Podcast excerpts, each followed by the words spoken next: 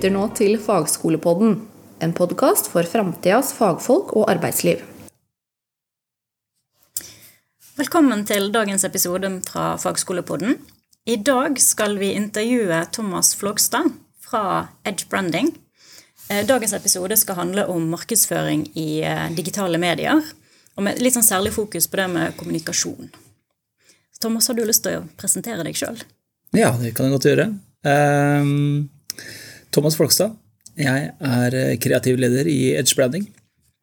Har uh, jobba her i 20 år. Uh, begynte egentlig i 2003 med å etablere det som den gang het Edison Interactive. Altså var det den digitale avdelingen til Edison reklamebyrå. Og det her er jo i starten, så jeg begynte, jeg begynte med internett i slutten av 90-tallet, altså 97. Eh, har vært med på hele utviklingen fra liksom, første nettleseren kom. Eh, og jeg husker at Google kom, jeg husker at alle de ulike plattformene, jeg husker at Facebook kom i, i, og jeg liksom vært med på liksom hele reisen fra et markedsperspektiv. Da. Og liksom brukt liksom Ja, jobben min har egentlig vært å prøve å utnytte de digitale flatene best mulig innenfor eh, markedsføringssegmentet. Da. Mm. Så det har jeg liksom fått med hatt, hatt gleden av å liksom være med på det, hele den utviklingen. Det har vært gøy. Så ja, der har du meg. Yes, Veldig bra. Det passer mm. veldig bra til det vi skal uh, snakke litt om i dag. Og det er jo uh, hvordan vi bruker forskjellige mediekanaler til markedsføring. Og for oss så vil jo det være snakk om uh, fra um, fagskolen og fagskolestudentene våre, så er det gjerne mm. bedrifter som de da, om det er små eller store bedrifter, mm og liksom tanken om hvordan de da kan markedsføre seg sjøl. Ja. Ja. Har du noen sånne tanker om eh, hvilke mediekanaler tenker du det er fornuftig å bruke i forhold til hvilken gruppe man skal nå ut til? Altså det som er fint da, med, med de digitale flatene kontra tradisjonelle reklameflater, da, det er at vi kan måle effekten på en helt annen måte enn det vi kan gjøre f.eks. hvis du kjører en, en printannonse, en, en vanlig avisannonse den kan ikke måle effekten på samme måte. Og så Gjennom de digitale flatene, de, de, de, ulike kanalene, så kan du også segmentere målgruppa på en helt annen måte. Du kan liksom definere både geografi eksempel, Du kan sette passerne i Porsgrunn og si at jeg skal ha 20 km. Og jeg kan si at jeg skal nå kvinner og menn mellom 25 og 35 som er interessert i interiør. Mm. Og så, så får du liksom optimalisert budsjettet ditt mye bedre. For du bruker ikke pengene dine på å nå alle, men du når kun de, eh, de personene som du har definert som en hovedmålgruppe da, i den kanalen. Mm. Um, men så igjen da, så er det det er så mange måter å angripe det på. Altså Hvis du skal markedsføre et eh, produkt eller en bedrift, så er det Man må liksom sette seg ned og lage en strategi, definere målgruppe. Hvem er det vi prøver å snakke til? Hva skal vi si, og hvordan skal vi si det? Og ikke minst hvor skal vi si det? Det er de, sånn, de elementære tingene som du må få definert. Og lage en god, det vi kaller en, eh, en kampanjestrategi. Da. Kampanjebrief. Lage en, eh, bli enige om hva vi ønsker å oppnå. Og der definerer, definerer man også mål, målsetting.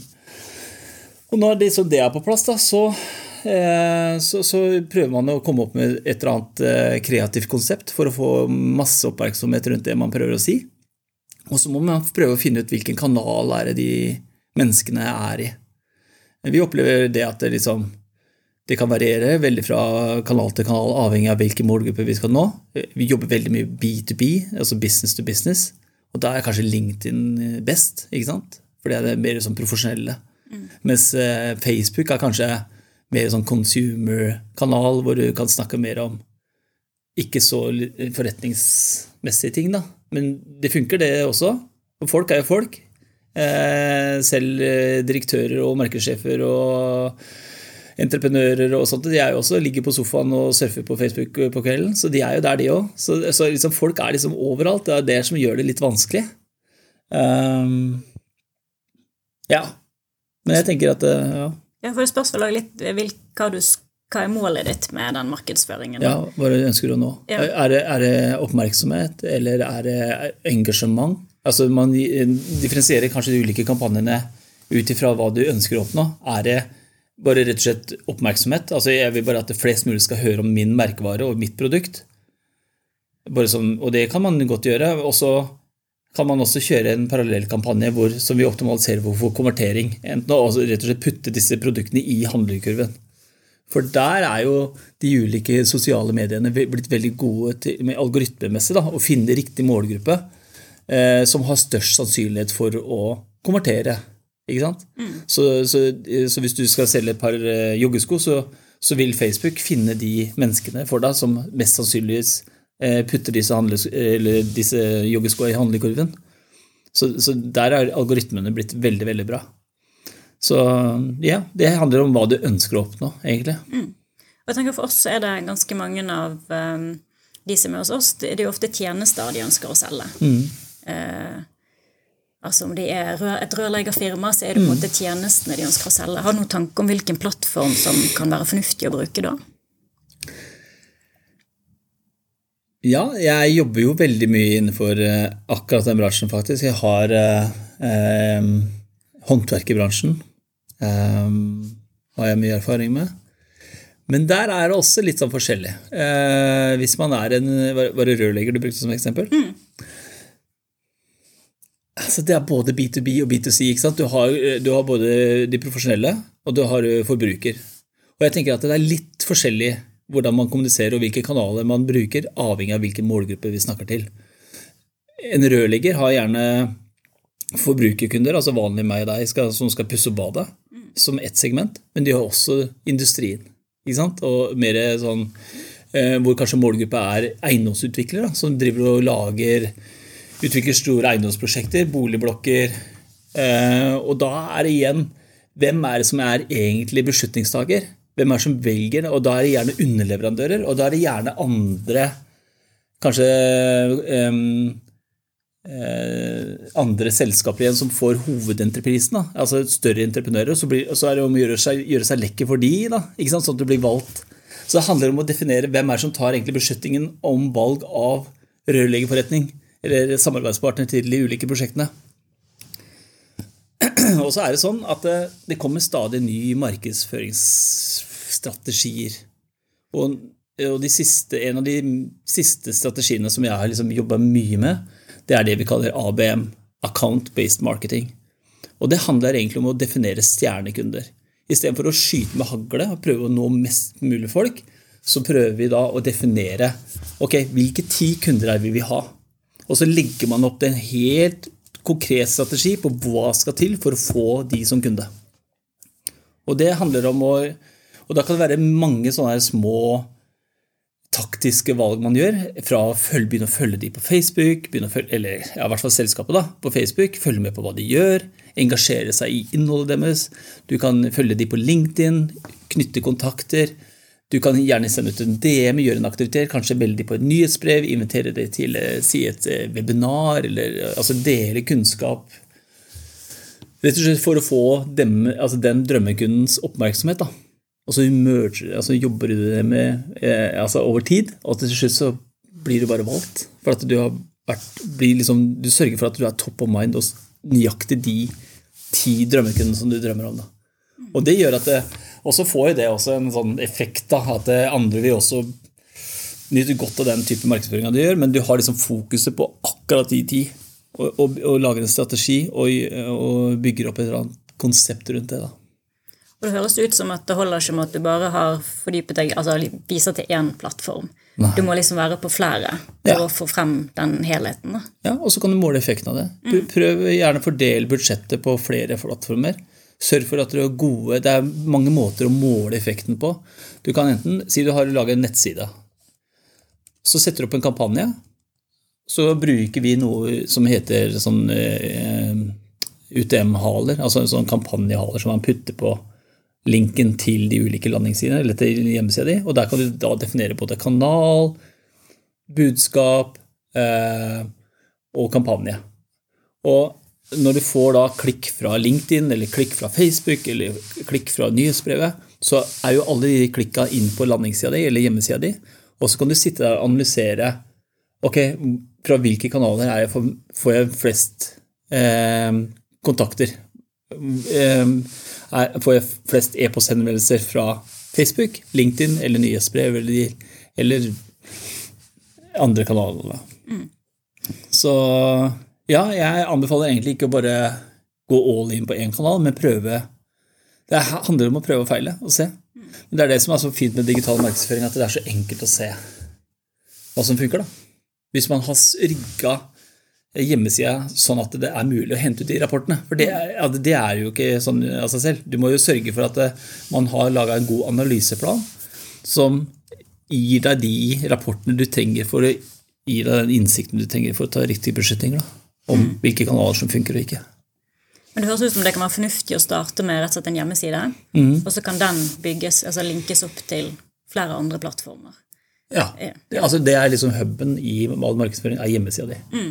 Det er, det er brosjyre. Det er en, en, digital brosjyre. Det er der du skal fortelle om alle tjenestene dine. Det er der du skal eh, eh, vise hvem du er, hvem du er til for, hvorfor du er i det hele tatt til. Hva, hva som er misjon og visjon, prøve å få det tydelig fram. Kulturen, menneskene. Så det har liksom flere funksjoner, gjerne sånn hjemmeside. ikke sant? Både med tanke på rekruttering av flinke folk, som du er avhengig av for å kunne vokse. Men du er også avhengig av å ha en god landingsside for å skaffe nye kunder.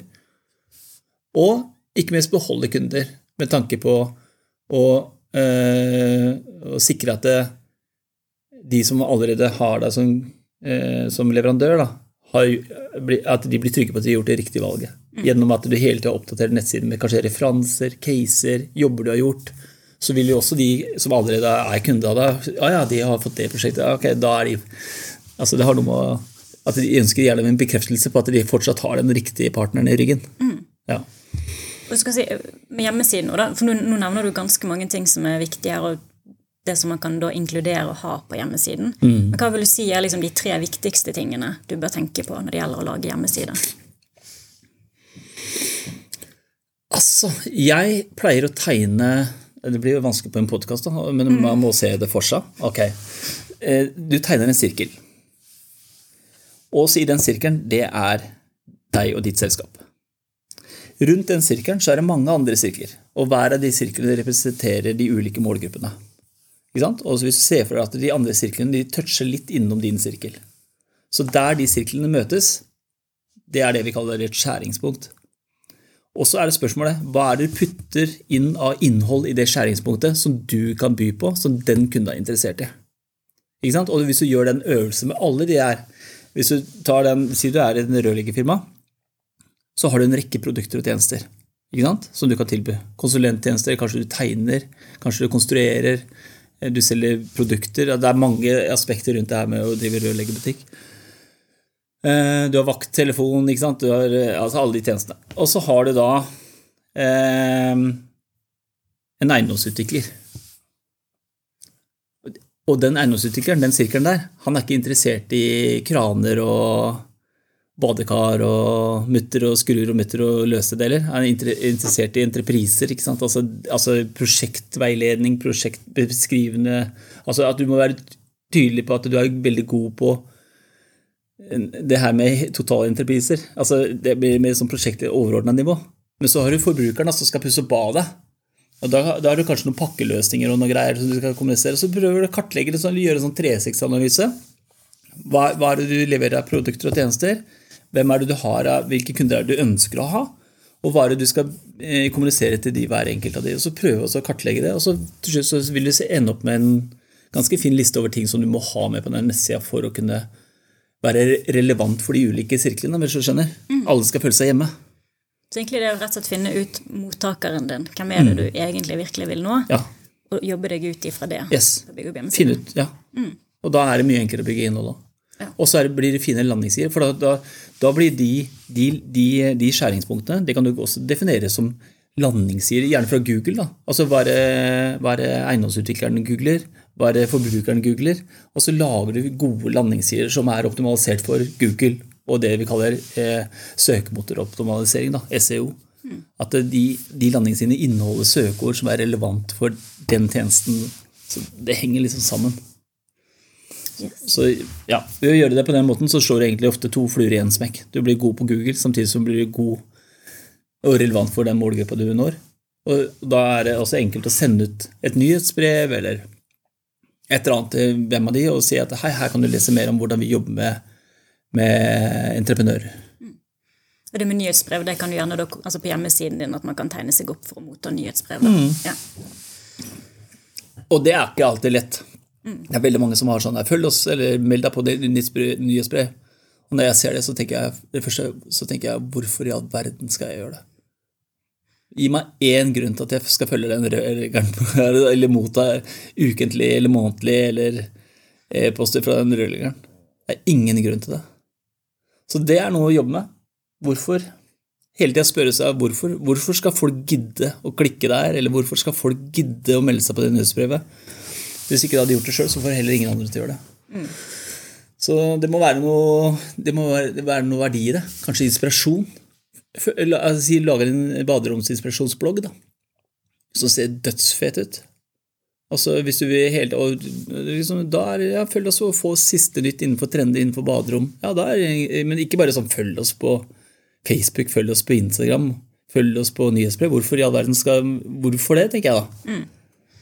Så den, der bør det ligge et eller annet at det vil være inspirerende for de som mottar det. Du må fortelle hvorfor. Mm. Gi folk en veldig god grunn til å følge deg på Facebook. En veldig god grunn til å følge deg på Instagram eller LinkedIn. Og i hvert fall på nyhetsbrev. Folk vil jo helst ikke ha eh, e-poster. Så nei. Kanskje du skal begynne å betale? Ja. Meld deg på, så får du 100 kroner per nyhetsbrev i til. Kan bestikke dem. Og så har jeg også et spørsmål om um, det med um, I dag så er det ofte liksom viktig å eller det er blitt mer fokus på det med holdninger og verdier som bedriften eventuelt har. da. Mm. Er det viktig òg i forbindelse med markedsføringen? Ja. Det tror jeg absolutt er. Det handler om uh, Når vi jobber med, uh, med kommunikasjon og markedsføring for de, uh, kundene våre, så jobber vi alltid ut ifra det vi kaller en merkevareplattform. Og den merkevareplattformen definerer jo hvem vi er. Eh, visjon, eh, misjon eh, og ikke minst verdiene våre. Eller verdiene til selskapet. Og det er viktig at det henger sammen med at den merkevareplattformen det er liksom grunnmuren. Og så har du liksom profil, identitet, logo, også hvordan man ønsker å fremstå. da. Som igjen skal gjenspeile de verdiene som ligger i bånn. Og så er det øvrig kommunikasjon også. Det, ha, det er jo en rød tråd i alt man gjør. Så det er viktig at man ikke går helt på akkord med merkevareplattformen og vi ønsker, eller hvordan vi ønsker å fremstå. For hvis du, hvis du gjør altfor mye eh, altfor mange stunt, så blir man ikke konsistent. Og hvis man ikke er konsistent over tid, så bygger man heller ikke merkevare. Mm. For det å bygge en god merkevare er bare å være dødstro mot egen, eh, eh egen merkevareplattform over tid. Og det tar tid å bygge en god merkevare. Eh, og så har du de andre som bare gjør sånn salgsutløsende. Liksom, nå er det 20% og det er ikke så nøye på å bygge merkevare, men bare sånn salgsutløsende aktiviteter som har veldig sånn kortsiktig eh, effekt. da. Men eh, jeg pleier gjerne å sammenligne sånne type aktiviteter med Hvis du ser for deg en, en, en, en sag, så har du disse sag, eh, de sagtennene. Og det er litt sånn, sånn ser en sånn type graf på at du får, liksom, ja, du får en boost, du får noe salg, og så detter igjen, og så får du en ny kampanje, en ny boost.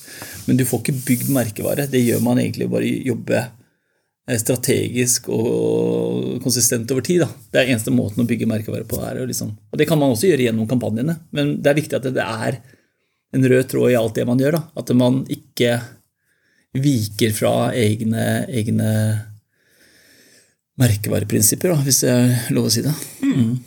Vi ser at ganske mange i dag f.eks. trenger det med å vise til at de er en bedrift som tar hensyn til bærekraftsmål, mm. eller ja, det, eller òg bare med holdninger at vi er en bedrift som følger opp kundene våre, mm. eller ja. Mm. Det selger jo òg selvfølgelig på sikt. Absolutt. Ja. Yes. Men da, da, begynner vi å komme til veis ende. Ja. Det har vært veldig hyggelig å ha intervju med deg. Så bra. Og fått veldig mange gode tips. Sånn oppsummert så litt det jeg henter ut, det er i hvert fall det at det å være bevisst på um, eh, hva du ønsker å oppnå, ja. altså eh, hva er det du egentlig skal selge eller mm. oppnå med dette, og så hvilken målgruppe er det du i så fall ønsker å nå. Det er liksom det viktigste. Ja. Hva du skal si, til hvem og hvordan. Mm. Altså, det er tre enkle ting. Eh, hvis du klarer å kartlegge det, og så finne disse skjæringspunktene som gjenspeiler både det du sier i Altså Skjæringspunktet kan jo gjenspeile det du sier i kommunikasjon til de ulike målgruppene, Men det er også fin input til egne hjemmesider da, når man skal i gang med å bygge de, og lure på hva er det vi skal fylle de med. Jo, begynn å tegne opp disse sirklene, og så definere de ulike skjæringspunktene, og så finne ut hva er det du har som den kunden eller de ulike målgruppene er interessert i. Du har nå hørt Fagskolepodden, produsert av Fagskolen Vestfold og Telemark.